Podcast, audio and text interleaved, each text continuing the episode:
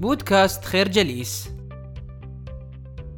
غالبا ما يمتنع الكثير من الموظفين عن مشاركة أفكارهم مع مدرائهم وخاصة فيما يتعلق بطرق تحسين العمل في المؤسسة. على الأرجح أن معظم الموظفين قد يشعرون بالخوف من ذلك أو يظنون بأن آراءهم لا قيمة لها في نظر رؤسائهم. وعلى عكس هذا الاعتقاد فإن هذا الخوف من مشاركة الآراء والأفكار مع الرؤساء قد يضر بجودة العمل في المؤسسة. الموظفون الخبراء الذين يعملون في قاعدة الهرم المؤسسي هم من يعايشون العمل ويراقبونه عن كثب بشكل يومي. إذا لم تؤخذ آراءهم بعين الاعتبار فإن كثيرا من المشاكل ستظل تحت السطح وبلا حل. للتغلب على هذه الظاهرة يذكر الكاتب إد كاتمول الذي كان أحد مؤسسي شركة بيكسار للرسوم المتحركة أنه في عام 2013 بدأت الشركة مبادرة تسمى بيوم الملاحظات. أوقفت الشركة جميع أعمالها وقضى جميع الموظفين يومهم في مجموعات لجمع وتقديم ملاحظاتهم الخاصة حول الشركة. في المقابل فإن مشاركة الملاحظات فحسب ليست هي الحل الجذري لهذه المشكلة. بل يجب كذلك على رؤساء الشركات التأكد من أن موظفيهم يمتلكون المهام المسندة إليهم ويديرونها كأنها أعمالهم الخاصة.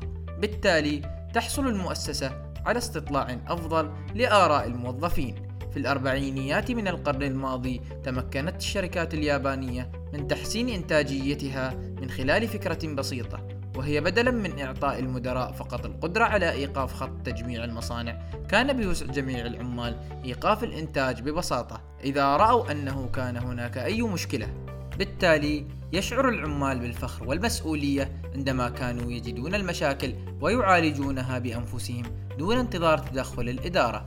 أدى هذا الحل إلى تعزيز كفاءة العمل في المصانع اليابانية لأنه اختصر بشكل كبير الوقت المتطلب لحل المشاكل. الفكرة يجب على الشركات أن تشجع موظفيها على تبادل الأفكار والآراء مع رؤسائهم. من أجل أن تعمل الشركة بصورة أفضل، يجب أن يكون لها هدف تسعى إلى تحقيقه. لا يجب أن يكون هذا الهدف هدفا محددا، فقد يكون الهدف مفهوما عاما مثل السعي نحو التميز، حيث يسعى كل موظف إلى أن يكون الأفضل فيما يقوم به.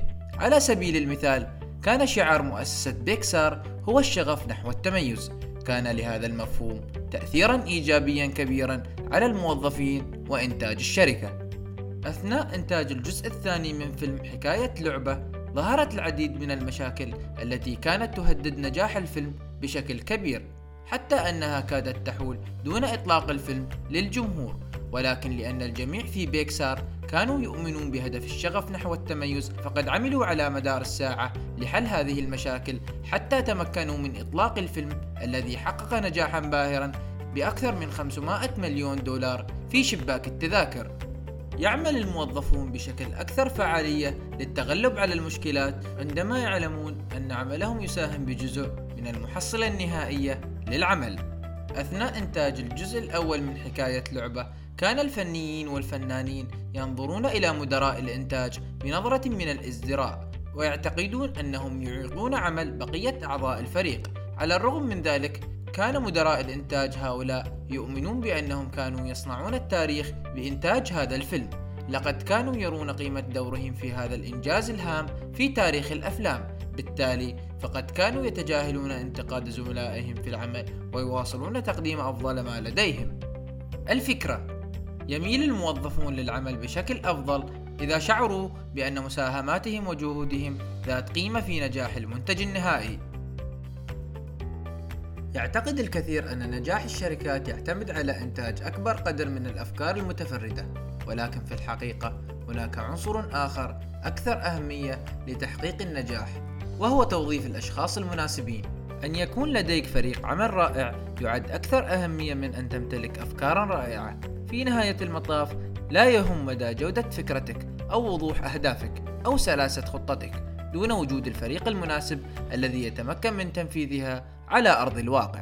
إن أي منتج تشتريه من هاتف ذكي إلى سيارتك الكهربائية لم يكن نتيجة لفكرة إبداعية واحدة بل هو محصلة جهود الكثير من الأشخاص ونتاج لعمل العديد من العقول المبدعة التي تعاونت لتبادل الأفكار وإخراج المنتجات الناجحة لا يقتصر إنشاؤك لفريقك المتميز على توظيف الأشخاص الأكثر موهبة فقط ولكن يجب عليك تشكيل فريق يعمل أعضاؤه معا بسهولة وسلاسة علاوة على ذلك فإن التنوع يعد من أهم سمات الفرق الناجحة بدلا من تشكيل فرق متجانسة تحوي أشخاصا ذوي فكر متماثل ذلك لأن اختلافات أعضاء الفريق تسمح لهم بتكريس أفكارهم وإلهام بعضهم بعضا الفكرة اختيار الفريق المناسب الذي يمتلك عوامل التميز والإبداع أهم بكثير من التركيز على إيجاد أكبر قدر من الأفكار الإبداعية.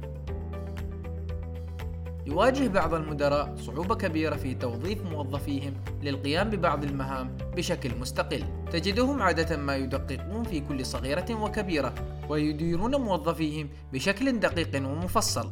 في الحقيقة فإن هؤلاء يغفلون عن أن الحد من استقلالية الموظفين قد يعرقل بشكل كبير إبداعهم ومعنوياتهم. إن أفضل نهج لإدارة الموظفين هو منحهم الحرية لاتخاذ القرارات، فهم في محل أفضل من مدرائهم لحل المشاكل الدقيقة في العمل.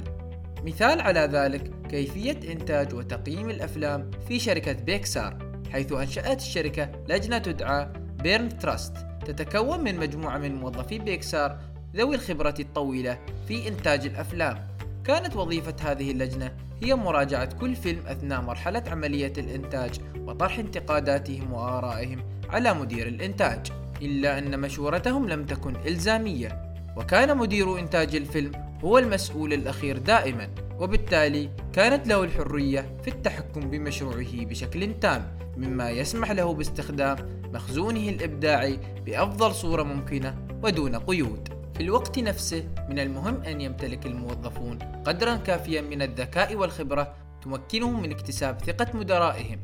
كانت لدى إد كاتمل قاعدة عند اختيار أعضاء فريقه الجدد، حيث كان دائما يختار الأشخاص الذين يشعر بأنهم يفوقونه ذكاء والذين لديهم الثقة بقدراتهم ويستطيعون توظيفها دون إشراف مباشر من أحد. على أرض الواقع نجد بعض المدراء الذين يعتقدون بأن توظيف أشخاص يفوقونهم في الذكاء والموهبة قد يشكل تهديدا لبقائهم على رأس عملهم إلا أن كاتمل كان لا يتفق مع هذه المعتقدات وكان يؤمن بأنها تحول دون تحقيق الشركات لأفضل النتائج الممكنة الفكرة تعزيز الثقة بالموظفين وتمكينهم من أجل اتخاذ القرارات يعزز من كفاءة العمل والإبداع في المؤسسة. نشكركم على حسن استماعكم. تابعونا على مواقع التواصل الاجتماعي لخير جليس، كما يسرنا الاستماع لآرائكم واقتراحاتكم، ونسعد باشتراككم في البودكاست.